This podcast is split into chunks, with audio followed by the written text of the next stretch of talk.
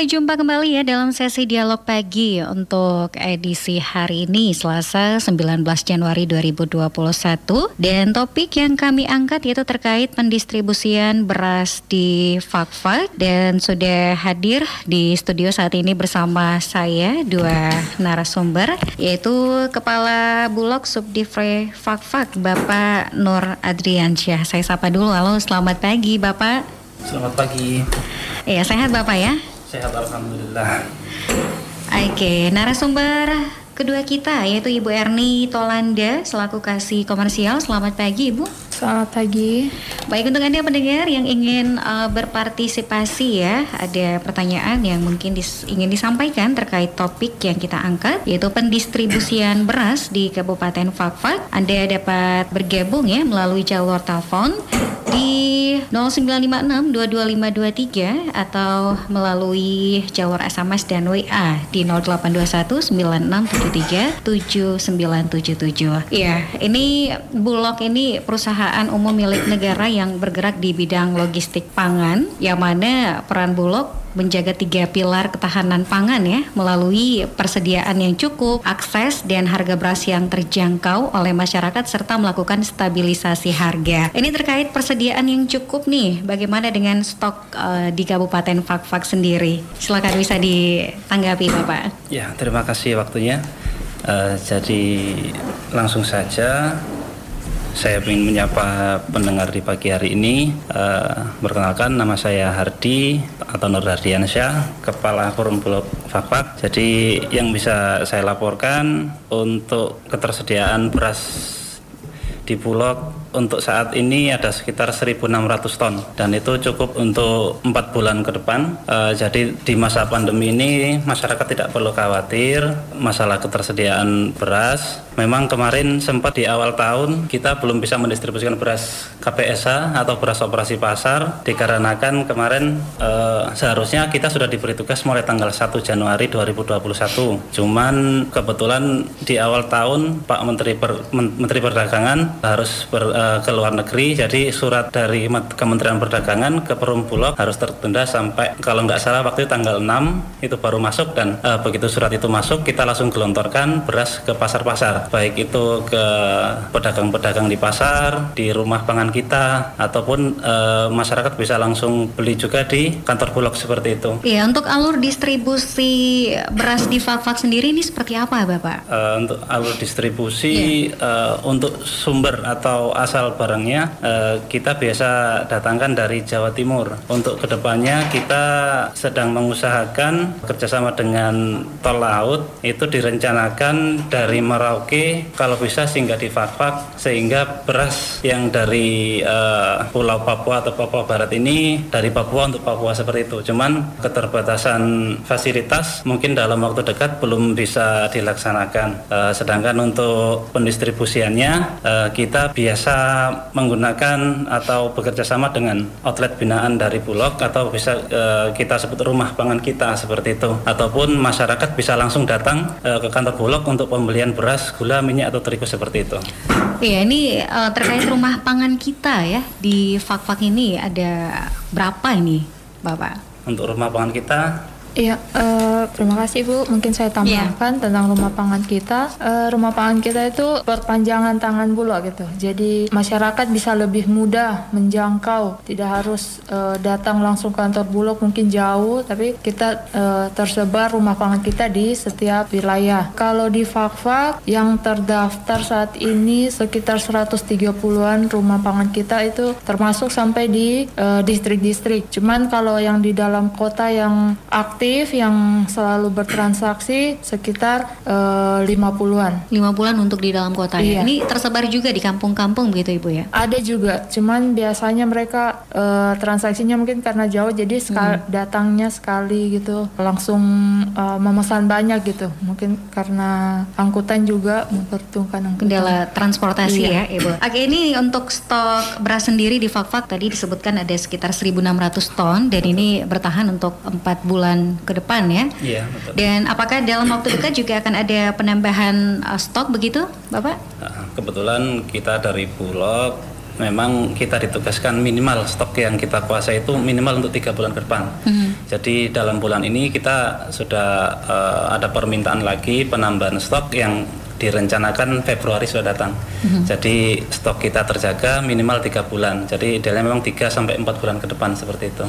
Ya berarti ini untuk menghadapi uh, tidak lama lagi nih Lebaran ya, bulan puasa dan Lebaran ini masih cukup ya stok beras ya? Kalau Lebaran Insya Allah masih cukup lah. Masih cukup. Uh, ya ini uh, terkait logistik lainnya untuk di Kabupaten Fakfak ini tentunya Bulog bukan menangani soal beras saja ya. Mungkin bisa disampaikan juga Bapak? Baik, uh, bagi, bagi para pendengar uh, memang perlu diinformasikan. Jadi Perum Bulog ini uh, perusahaan yang statusnya itu Perum, jadi perusahaan umum. Jadi selain kita sebagai ditugaskan atau public service dari penugasan dari pemerintah, yang kedua kita juga harus uh, melaksanakan fungsi komersial dan kita di sini sebenarnya kalau di Bulog secara umum kita sudah banyak sekali komoditas seperti minyak, gula, terigu, beras merah dan lain-lain. Cuman kalau di Bapak kita sementara uh, yang berjalan cuma beras, minyak, terigu dan gula seperti itu. Jadi kalau di beras kita uh, memang tugasnya sementara di dua, di beras dan gula dan kita harus menjaga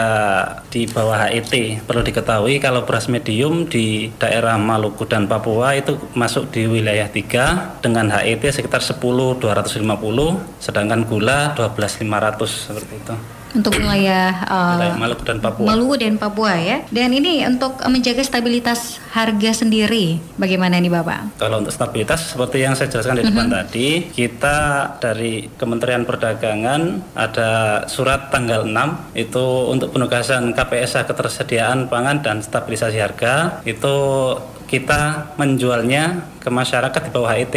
Jadi kalau masyarakat langsung datang ke Bulog atau ke RPK atau uh, outlet binaan Bulog itu kita jualnya dengan harga 10.000. Sepuluh ribu. Uh, Sepuluh ribu, jadi masih di bawah itu sepuluh dua lima puluh. Kalau misalnya masyarakat yang kebetulan mendengar ini mempunyai semacam outlet atau toko kelontong, kepingin me menambah omsetnya, bisa daftar ke Bulog sebagai rumah pangan kita dan tentunya bisa membeli dengan harga yang lebih murah lebih daripada murah itu. Lagi. Nah, caranya ini bagaimana Bapak untuk uh, menjadi rumah untuk, untuk terdaftar begitu Bapak ya? Hmm. Untuk terdaftar langsung saja ke kantor Bulog di Jalan Cendrawasih. Syaratnya cukup mudah, nggak terlalu susah. Cuman bawa KTP, kartu keluarga, sama surat keterangan usaha seperti itu. Baik, untuk pendengar yang ingin uh, menjadi perpanjangan tangan dari Bulog ya, bisa uh, langsung datang ke kantor Bulog dan persyaratannya juga cukup mudah gitu. Saya sapa penelpon yang sudah bergabung. Halo, selamat pagi. Halo, selamat pagi.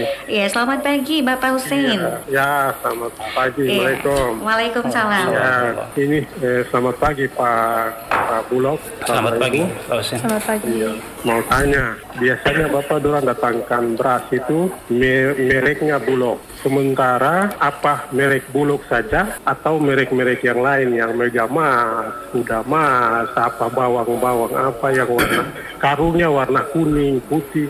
Eh, itu memang di bawah pengawasan Bulog. Baik. Ya, itu satu. Mm -hmm.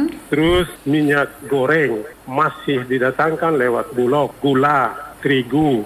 Karena harga yang sering saya cara itu harga ini di pasar Korea beda, pasar Tambaruni beda, di Bulog sendiri beda. Hmm. Itu sementara dulu. Baik. Iya, Assalamualaikum. Waalaikumsalam. Terima kasih Bapak Husen. Uh, bisa ditanggapi Nur Ardiansyah? Iya, selamat pagi Pak Husen. Jadi uh, yang bisa saya jawab, jadi Bulog di sini yang kita jaga harganya dan untuk menjaga stabilitas itu yang merek satu kita ada merek bulog yang karung putih itu hmm. yang kedua kita punya merek sendiri itu beras kita jadi uh, kalau beras kita itu sudah kita kemas dalam kemasan 10 kilo Pak. Terus untuk yang kedua kalau merek-merek yang lain itu para distributor yang mendatangkan sendiri. Jadi bukan uh, bukan melalui bulog. Untuk harganya uh, kita nggak bisa mengontrol itu. Kalau memang menginginkan harga yang di bawah HET beli yang merek bulog atau yang merek beras kita seperti itu. Untuk yang kedua untuk minyak sama juga kita mereknya minyak goreng kita. Kalau masalah harga di masing-masing pasar berbeda itu uh, kita nggak bisa mengontrolnya Pak seperti itu. Itu dari pihak distributor itu dari sendiri pihak ya? distributor dan uh, para pedagang seperti itu. Baik, ini untuk uh, diketahui masyarakat kalau Bulog sendiri produknya itu uh, mereknya kita ya, ya, ya. Oke. Beras kita. Beras kita, minyak uh, minyak, minyak goreng, goreng juga kita. minyak goreng kita. Saya sapa penelpon selanjutnya. Halo, selamat pagi. Iya, pagi. Bapak. Iya, selamat pagi. pagi. Selamat pagi, Pak. Ya, selamat pagi buat Eri, selamat pagi buat Bapak narasumber dari Dolok Podcast. Saya Pak Jerry. Iya, silakan Bapak Jerry. Iya, terima kasih buat Bapak dari Dolok Jerry. Mengawali tahun 2021, Dolok sudah hadir untuk menginformasikan tentang posisi stok uh, bahan pokok khususnya beras dan juga mungkin gula. Terima kasih bahwa informasi begini yang penting cuma memang masih banyak apa yang tadi Bapak yang penelpon pertama tadi saya ikuti tadi. Ya ini juga perlu karena ini terkait dengan informasi-informasi tentang barang-barang uh, kebutuhan pokok yang ada di beberapa titik pasar ya pasar uh, Bilang Pokok, pasar Tambaruni maupun pasar uh, Seberang ini. Ini kan uh, menjadi informasi yang penting dan itu menjadi tanggung jawab sebenarnya pemerintah dalam memberikan informasi. Cuma uh, dalam beberapa tahun belakangan ini saya mengikuti informasi-informasi ini hilang hilang dalam artian tidak lagi di, di disampaikan atau diudarakan lewat RRI ya. Kalau dibandingkan dengan beberapa tahun yang lalu, saya tidak tahu penyebabnya di mana atau mungkin dianggap itu tidak penting. Tapi apa yang saya sampaikan ini bukan saja saya tidak tujukan kepada Bapak, tapi tujukan kepada pemerintah. Di situ kan ada tim kerja yang sudah terbentuk dan di dalamnya adalah bulog atau dolok setempat terkait dengan informasi-informasi uh, barang-barang kebutuhan pokok termasuk harganya. Karena memang benar harga di setiap pasar untuk produk atau barang tertentu memang pasti berbeda. Jadi kalau untuk barang yang memang merek dolok atau bulog itu sudah pasti harganya dalam harga medium sekali Bapak sudah katakan dalam kemasan ukuran 10 kilo dan ataupun uh, gula misalnya. Karena itu yang sementara Bulog Bapak atau Bulog Bapak sudah lakukan. Tapi menyangkut dengan apa yang dikatakan oleh Bapak tadi itu kan mekanisme pasar ya,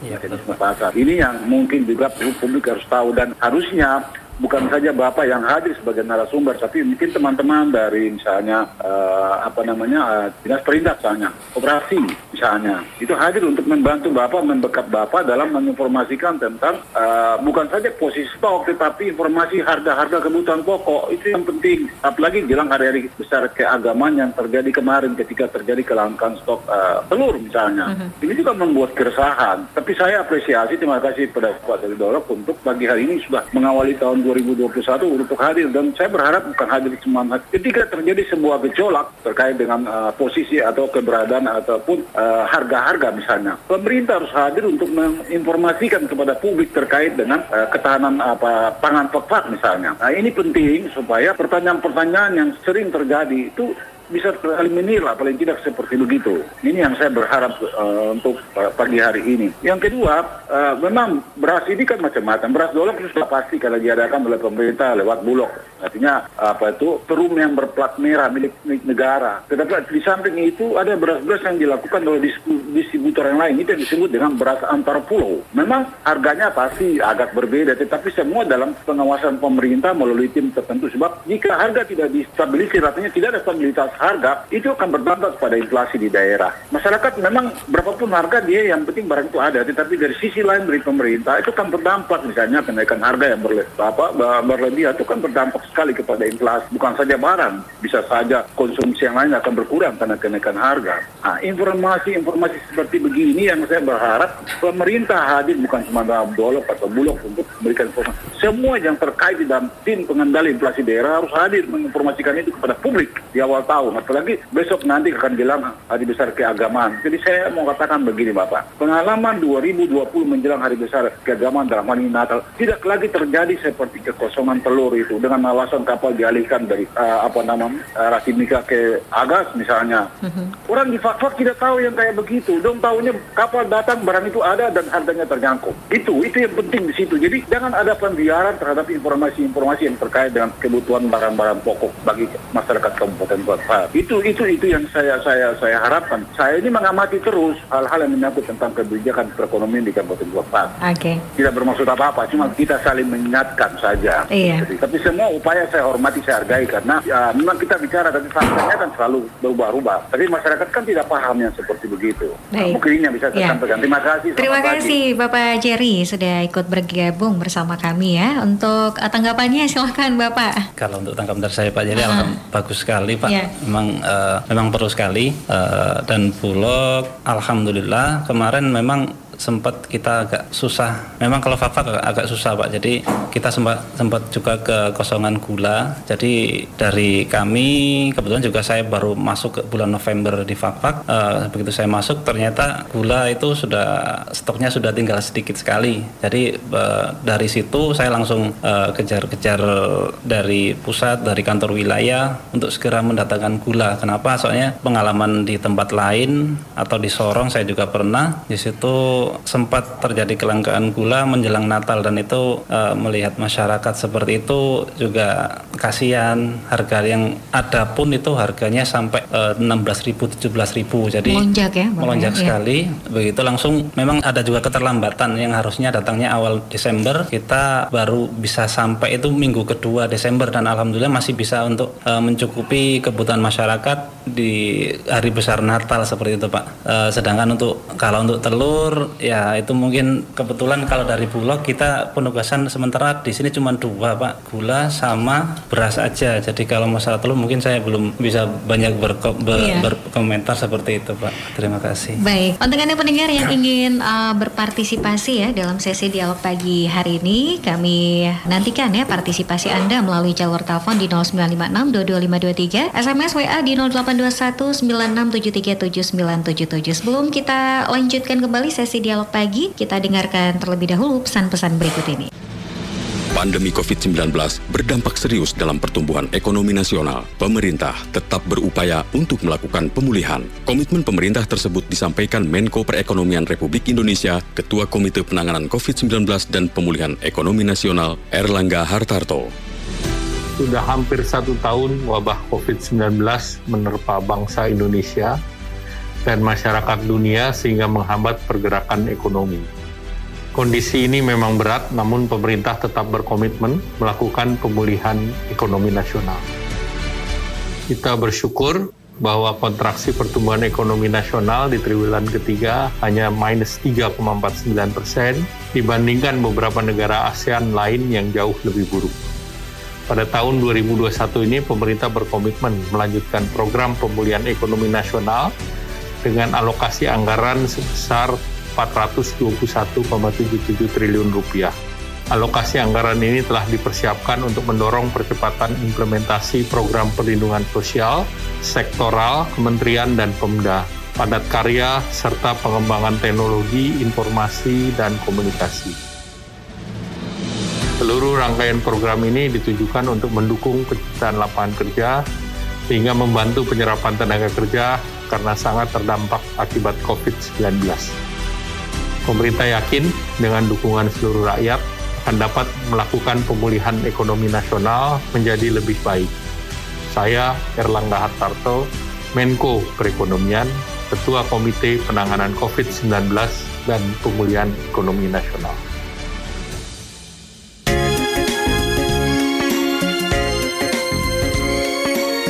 Pro 1 kanal inspirasi. Kembali bersama kami pendengar dalam sesi dialog pagi ya untuk edisi hari ini Selasa 19 Januari 2021 uh, mengangkat topik ya terkait pendistribusian beras di Kabupaten Fakfak dan masih bersama saya di sini kedua narasumber yaitu Kepala Bulog Subdive Fakfak ya Bapak Nur Adriansyah dan juga Ibu Erni Tolanda selaku kasih komersial. Untuk Anda yang ingin berpartisipasi ya mungkin ada pertanyaan yang ingin disampaikan terkait topik kita kami nantikan partisipasi Anda melalui jalur telepon di 09562253, SMS atau WA di 082196737977. Ya ini terkait uh, distribusi beras hingga ke konsumen ini juga melalui perpanjangan tangan Bulog yaitu rumah pangan kita gitu ya Ibu ya. Kemudian kita ingin tahu juga nih beras yang telah tersalurkan ke masyarakat dalam kurun waktu 2020 mungkin bisa uh, dirincikan seperti itu Bapak? Iya, silakan Bapak. Uh, baik Bu, jadi uh, dalam kurun waktu 2020 kita untuk program KPSA atau operasi pasar eh, kita alhamdulillah bisa menyalurkan sampai 960-an ton. Jadi hampir hampir 1000 ton dan itu nggak cuman program dari KPSA saja. Jadi kemarin kita juga sempat melayani atau untuk pemenuhan paket bantuan dalam menghadapi COVID dari Pemprov Papua Barat eh, sebanyak eh, du- dua tahap untuk di 2020 itu tersalur ada dua tahap sebenarnya ada tiga tahap. Jadi ada sebagian kecil di tahap ketiga itu yang di tahun 2021 awal. Eh, perlu diketahui untuk per tahapnya itu ada sekitar 5.600 paket dan eh, itu alhamdulillah eh, kerjasama dari Bulog Pemprov Papua Barat dengan tim pendistribusinya dari PD Irian Bakti seperti itu. Sedangkan untuk gula kita sudah distribusikan sebanyak sekitar 15 ton dalam waktu dua minggu terakhir di bulan Desember seperti itu Baik, jadi ini untuk uh, proses distribusi penyalurannya sendiri sudah uh, tersalurkan dan ini disalurkan untuk tahap ketiga pada awal tahun 2021 ini, Bapak ya? Iya betul sudah tersalur di tahun 2021 di terakhir itu minggu minggu pertama sudah selesai Sudah terselesaikan semua. Apakah ini akan dilanjutkan lagi di tahun 2021 ini, Bapak? Kerjasamanya dengan Bulog sendiri? Kalau itu kita tunggu kabar dari Pemprov saja. Intinya kalau dari Bulog kita kita siap kalau memang sudah ada permintaan bantuan tahap selanjutnya kita siap untuk mendistribusikan. Iya, Bulog itu. sendiri siap ya. Siap. Ya, kemudian terkait distribusi beras selama pandemi, apakah ada perbedaannya ataupun kendala-kendala di lapangan, Bapak? Kalau untuk kendala sih sebenarnya eh, hampir nggak ada sih. Kita jalan seperti biasa. Memang kemarin sempat pas eh, waktu tahun 2020 bulan Maret itu awal-awal pandemi itu memang pengiriman dari Jawa itu agak sedikit susah. Jadi mungkin ada awal dulu ada pembatasan PSBB atau apa. Jadi eh, bisa sampai keterlambatan yang harusnya datang dua minggu bisa datang satu bulan seperti itu. Tapi alhamdulillah nggak sampai yang terjadi kekosongan stok di Bulog untuk berasnya. Iya, mungkin Ibu bisa menambahkan juga terkait hal ini. Ya, terima kasih Bu. Eh, mungkin yang saya tambahkan untuk kelanjutan paket, Iya. eh, mungkin baru dengar info saja kemarin sepintas dari Pemprov, eh, se- sepertinya ini paketnya akan berlanjut karena melihat eh, pandemi masih berlanjut, jadi sepertinya masih ada dua tahap lagi untuk awal tahun untuk semester 1 semester 1 di awal tahun 2021, 2021, ini. iya. Ya, ini untuk paket yang disalurkan sendiri terdiri dari apa saja? Apakah ini cuman beras saja begitu, Ibu? Eh, paketnya itu beras 10 kilo, gula 1 kilo, minyak goreng 1 kilo, dan tepung 1 kilo. Tepung 1 kilo. Iya. Eh, ini untuk penerima manfaat yang ada di Kabupaten Fakfak, gitu ya. Oke, untuk pendengar yang ingin berpartisipasi, kami masih nantikan ya eh, suara Anda melalui jalur telepon di 0956 22523 atau Anda juga dapat eh, berpartisipasi melalui SMS dan WA di 0821 9673 7977. Ya, kemudian eh, ini terkait eh, lonjakan permintaan beras selama pandemi sendiri di Kabupaten Fakfak seperti apa ini Bapak? Adakah terjadi lonjakan permintaan seperti itu? Jadi untuk lonjakan mungkin ada, cuman nggak terlalu signifikan. Jadi itu terjadi kalau nggak salah itu bulan 6, bulan 7 itu ada sedikit lonjakan, tapi nggak terlalu signifikan. Jadi dan itu mungkin disebabkan juga kan banyak bantuan. Jadi waktu itu kalau nggak salah bulan 6 itu ada tahap satu ya, bulan 6 atau 7, terus eh, tahap 2 kita salurkan bulan Desember awal dan itu juga mungkin sangat membantu masyarakat dan stok di masyarakat juga banyak jadi untuk lonjakan ada cuman nggak terlalu banyak Tidak terlalu banyak. Oke, kami sapa yang sudah kembali bergabung. Halo, selamat pagi. Halo, selamat pagi. Iya, halo, selamat pagi. Selamat pagi dengan Bapak siapa di mana? Halo? Iya, mungkin bisa dicoba kembali ya untuk Anda yang ingin berpartisipasi melalui jalur telepon di 0956 22523 atau Anda juga dapat uh, bergabung ya. Mungkin ada hal-hal yang ingin disampaikan, yang di yang ingin ditanyakan ya, saran masukan melalui SMS dan WA juga kami nantikan. Halo, selamat pagi. Halo, selamat pagi. Halo, Iya, halo selamat pagi dengan Bapak opini siapa? publik. Iya, ini sudah di sesi dialog pagi Bapak ya. Dengan Bapak siapa di mana? Eh, dengan Yeri Kuadrat di kawasan. Iya, silakan Bapak. Ini selamat pagi Kepala Bulog selamat pagi pak Perum Bulog Pakpak dengan kasih komersial ya. Iya. iya betul Ya. dengan kasih ibu, ibu kasih komersialnya. Selamat pagi, selamat tahun baru dulu. Selamat pagi Pak, selamat tahun baru. Nah ini yang saya mau tanya ini, eh, tadi dikatakan stok beras yang ada di gudang Dolok itu 1.600. Iya. Ya, mencukupi kebutuhan empat bulan yang akan datang. Kalau begitu rata-rata Wah. Iya, terputus ini ya, belum masuk ke pertanyaannya, sudah terputus. Bisa dicoba kembali ya untuk Bapak Yari Kuadrat. Kami nantikan kembali di 22523. Dan pendengar sebelum kita lanjutkan kembali sesi dialog pagi hari ini, kita dengarkan dulu persembahan lagu mendatang.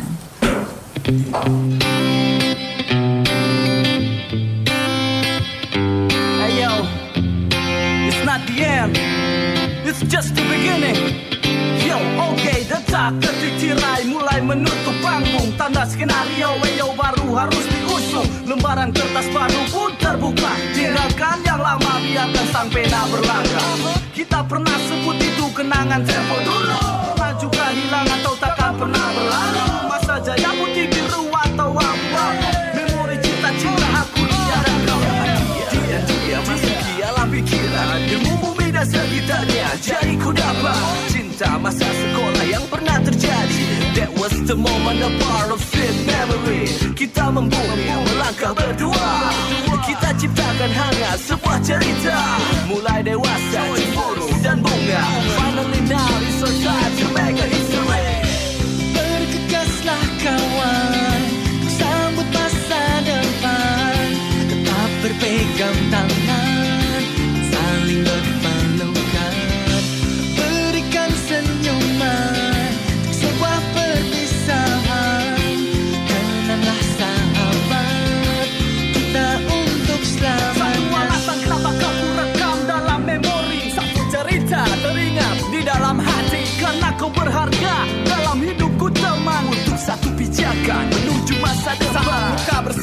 tawa bersama Berpacu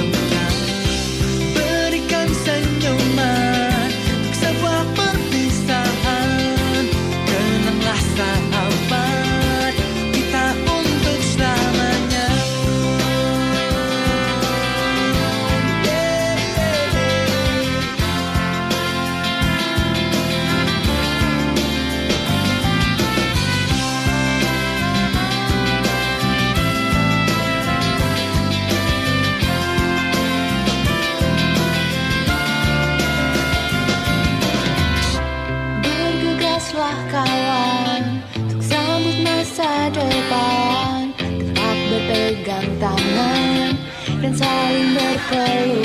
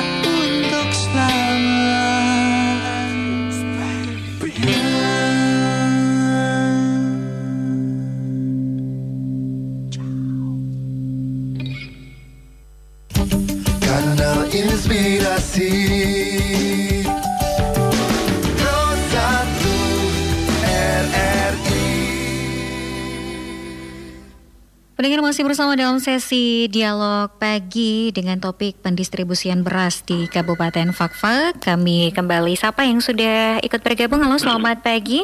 Selamat pagi.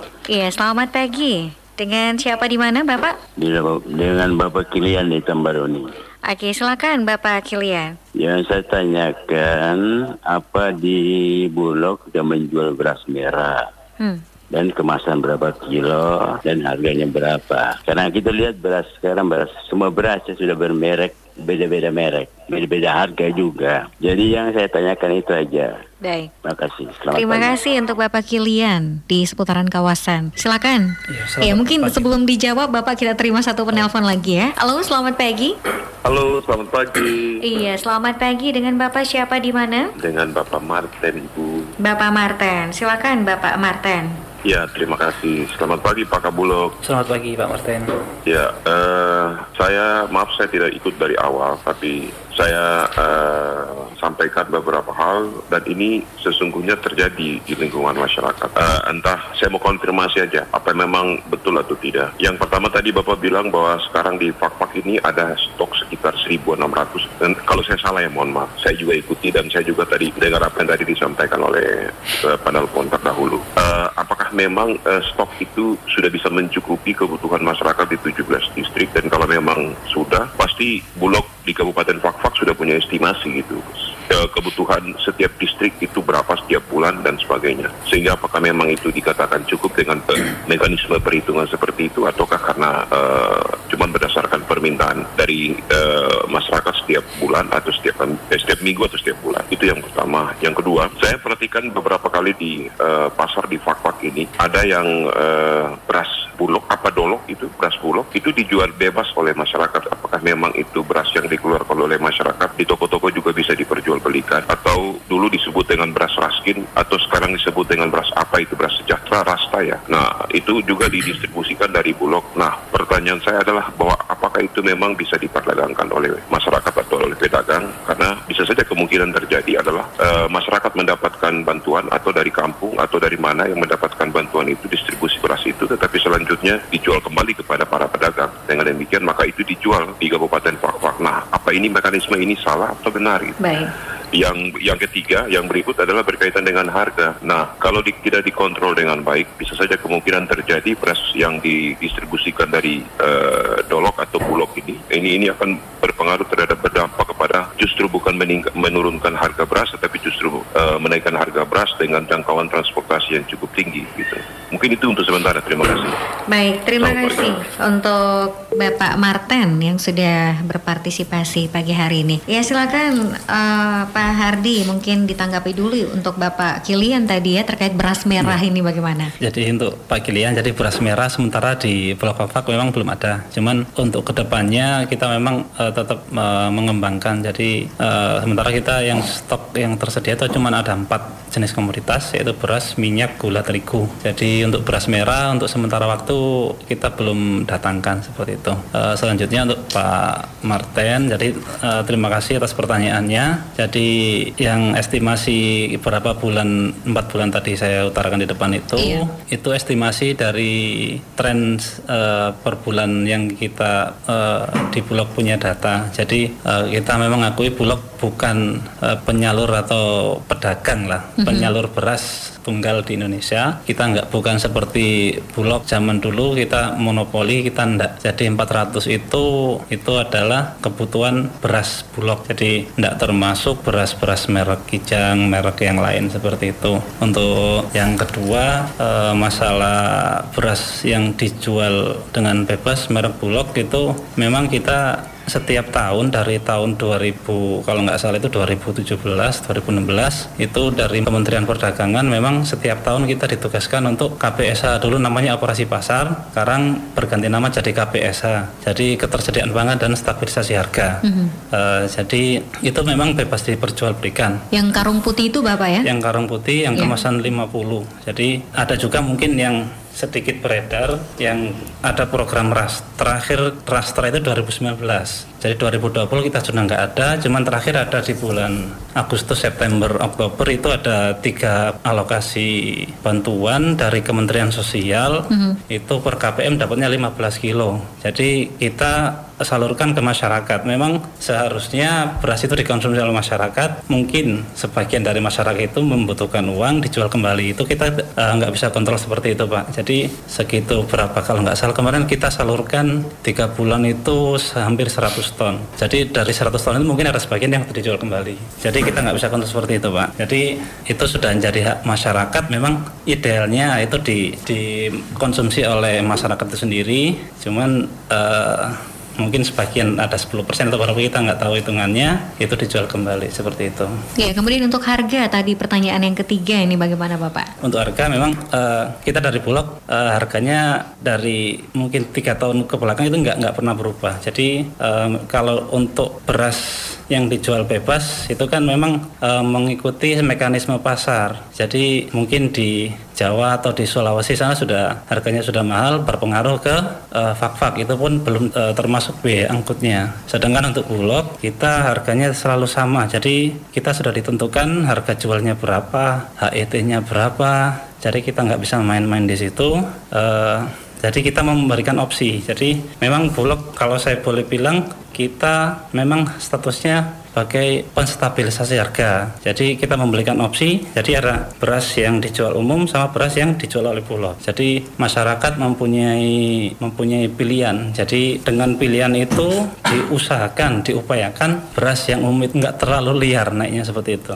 Baik, terima kasih untuk eh, Bapak Martin yang tadi sudah bergabung ya. Kira-kira seperti itu penjelasan dari Kabulog Bapak Hardiansyah. Eh, yang mana tadi 1.600 ton ini yang tersedia eh, memang eh, cukup gitu ya untuk empat bulan ke depan untuk eh, disalurkan ke 17 distrik ya di Kabupaten Fakfak ini. Dan kalau terkait beras raskin ataupun rastra ini memang sudah tidak ada lagi Bapak ya dari Kementerian Sosial sendiri sudah mengalihkan ke bantuan pangan non tunai. Kalau, Ya. ha- kalau nggak salah itu pun eh, mulai bulan alokasi November itu sudah dicarikan diuangkan kalau nggak salah. Iya sudah diuangkan ya. Baik. Untuk anda pendengar yang ingin nah, berpartisipasi kembali ya dalam sesi dialog pagi hari ini, anda dapat bergabung melalui jalur telepon di 0856225523, kemudian melalui jalur SMS atau WA di 082196737977. Ya ini eh, Bulog juga melaksanakan fungsi komersial ya untuk eh, produk eh, pangan yang eh, dihasilkan oleh Bulog sendiri mungkin bisa disampaikan oleh Ibu Erni.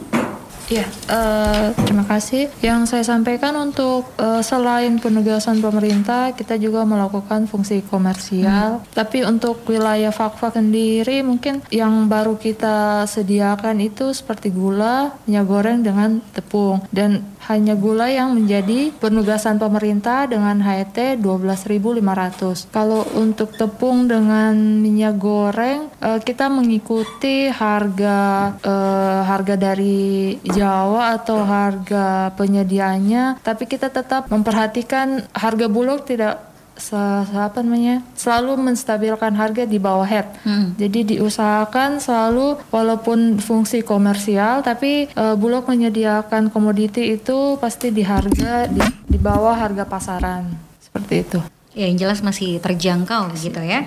Nah, untuk eh, beras sendiri, produk beras kita ini di harga kisaran berapa ini, Bu? Iya, kalau untuk fungsi komersial kita ada beras premium yang seperti mungkin eh, bisa bersaing dengan kayak misalnya beras-beras bermerek yang di luar itu beras premium, tapi tetap saja kita ditugaskan untuk menjaga head dengan beras premium itu 13.600. Jadi eh, Bulog itu selalu menyediakan beras premium yang bisa bersaing dengan merek-merek lainnya tapi dengan head di bawah 13.600. Ya, itu untuk yang premium ya. Iya. Untuk kalau yang bawah premium, Iya, itu merek kalau Bulog itu mereknya beras kita. beras kita ya. Ini beras kita premium. kisaran harga kisaran harga 13.600. Iya, Ya, ini ada yang menarik juga di akhir tahun 2020 kemarin Direktur Utama Perum Bulog ini meluncurkan beras eh, singkong ya atau eh, besit besita ya. Desita. Iya.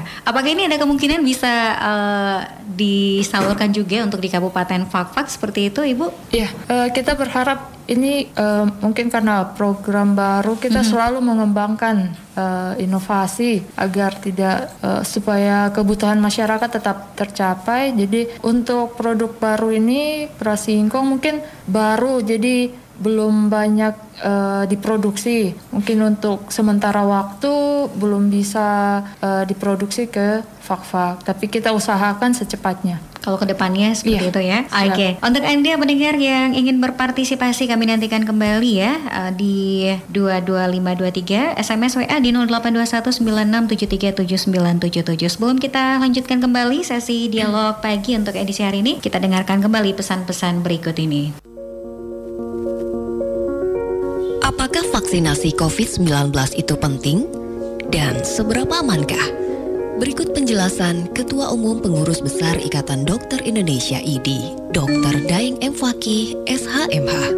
Ya, jadi vaksin ini sangat penting ya. Ini momen yang sangat baik ya dan harapan besar bagi kita semua uh, rakyat Indonesia untuk segera menghentikan penularan COVID-19. Vaksin ini bukan hanya untuk kita pribadi, ya. Jadi semakin banyak yang divaksin, maka semakin banyak uh, masyarakat, ya, keluarga kita, saudara kita, anak-anak kita, orang tua kita yang terlindungi.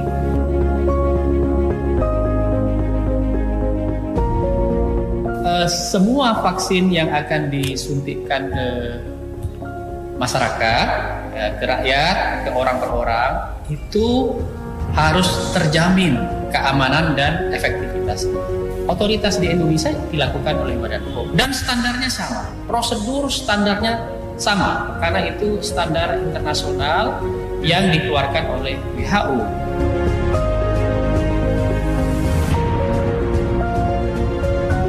Uh, memang sebenarnya kita sangat berharap uh, vaksinasi yang pertama itu diprioritaskan pada kelompok rentan Uh, kelompok rentan ini banyak.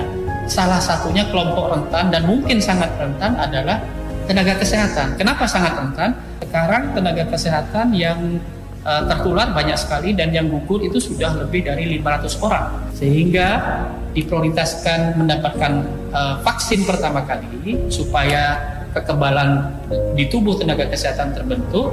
Dengan seperti itu maka dia tidak gampang tertular, ini sangat penting untuk mengurangi kematian eh, pada petugas kesehatan.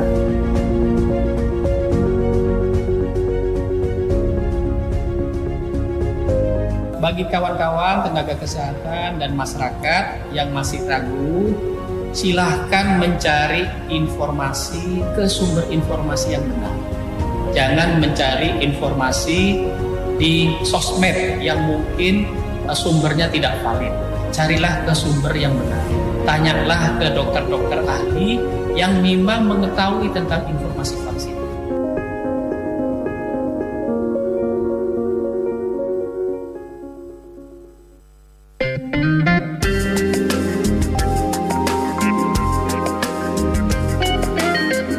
Pro 1, Kanal Inspirasi.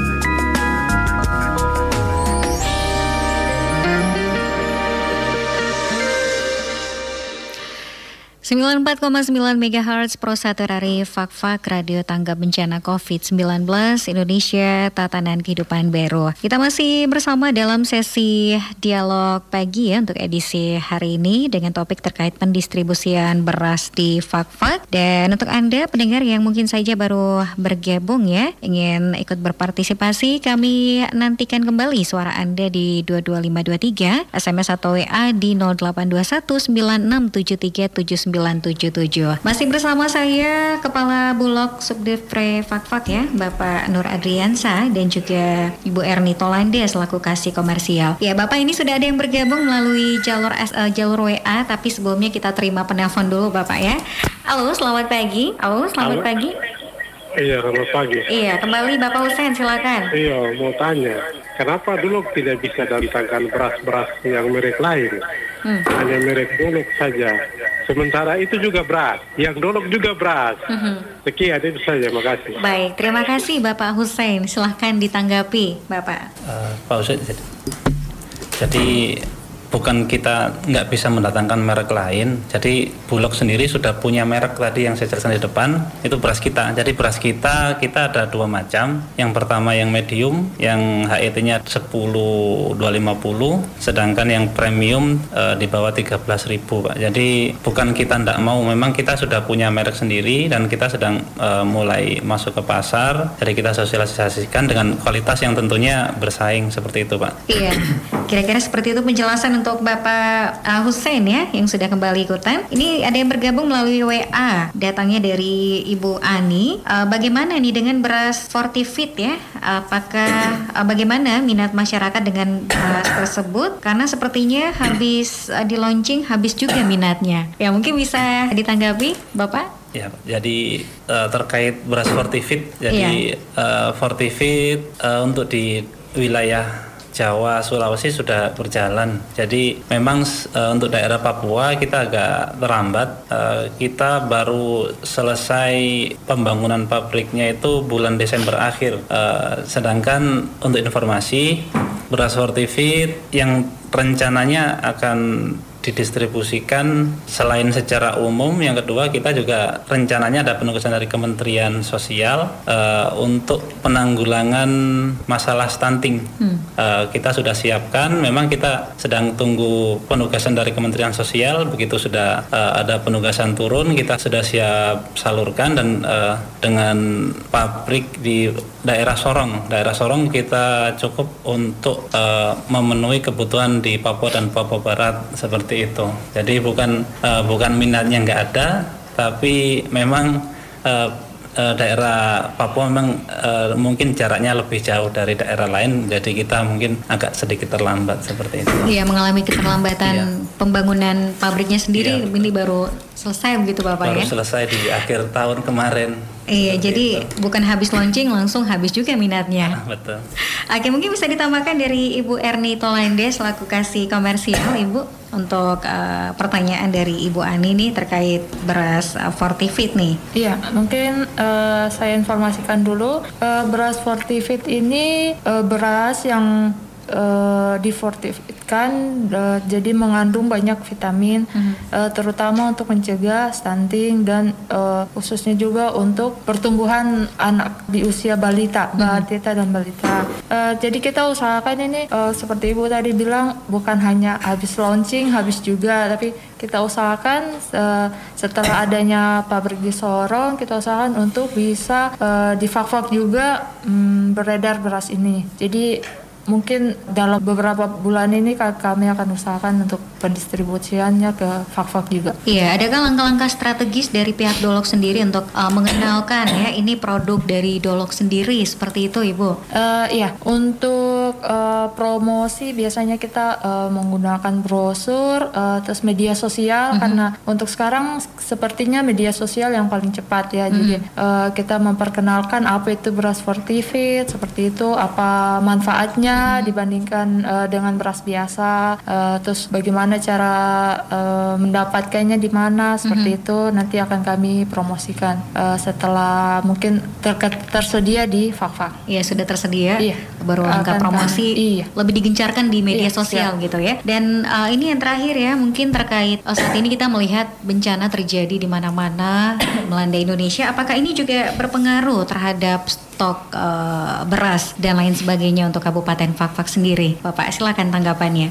Karena untuk stok kita mungkin uh, perlu diketahui, mm -hmm. jadi di Bulog juga tersimpan beras cadangan pemerintah yang mm -hmm. setiap waktu itu bisa dipakai atau digunakan diambil oleh pemerintah per kabupaten itu 100 ton setahunnya. Jadi untuk di Fakfak kita menyangga di dua kabupaten Fakfak dan Kaimana. Jadi ada 200 ton di sana. Kalau misalnya ada bencana itu siap diambil. Terus yang kedua, kalau misalnya dari 100 ton itu sudah habis diambil bisa minta lagi di jatah cadangan pemerintah milik provinsi hmm. sebanyak 200 ton seperti itu. Sedangkan untuk stok insya Allah sih kita tetap tetap usahakan tersedia dan semoga tidak ada kendala seperti itu. Baik, tidak terasa ini sudah satu jam kita bersama dalam sesi dialog pagi. Terakhir closing statementnya, Bapak. Ya untuk closing statement iya. uh, di masa pandemi ini mari tetap jaga kesehatan, tetap pakai masker, uh, protokol kesehatan jangan lupa. Untuk masalah pangan kita siap uh, mengamankan, kita siap menstabilkan, kita tetap siap untuk dalam ketersediaan,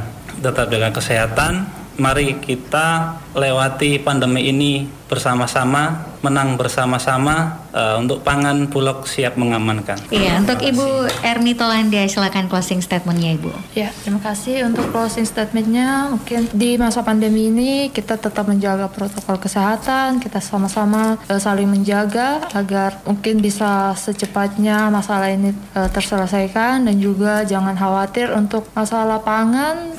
Bulog selalu siap untuk mengamankan pangan terutama di Kabupaten, Kabupaten Fak. Fak. Ya, terima kasih Ibu Erni Tolanda dan juga Bapak Nur Ardiansyah atas waktunya bersama RRI dan pendengar sampai di sini kebersamaan kita dalam sesi dialog pagi.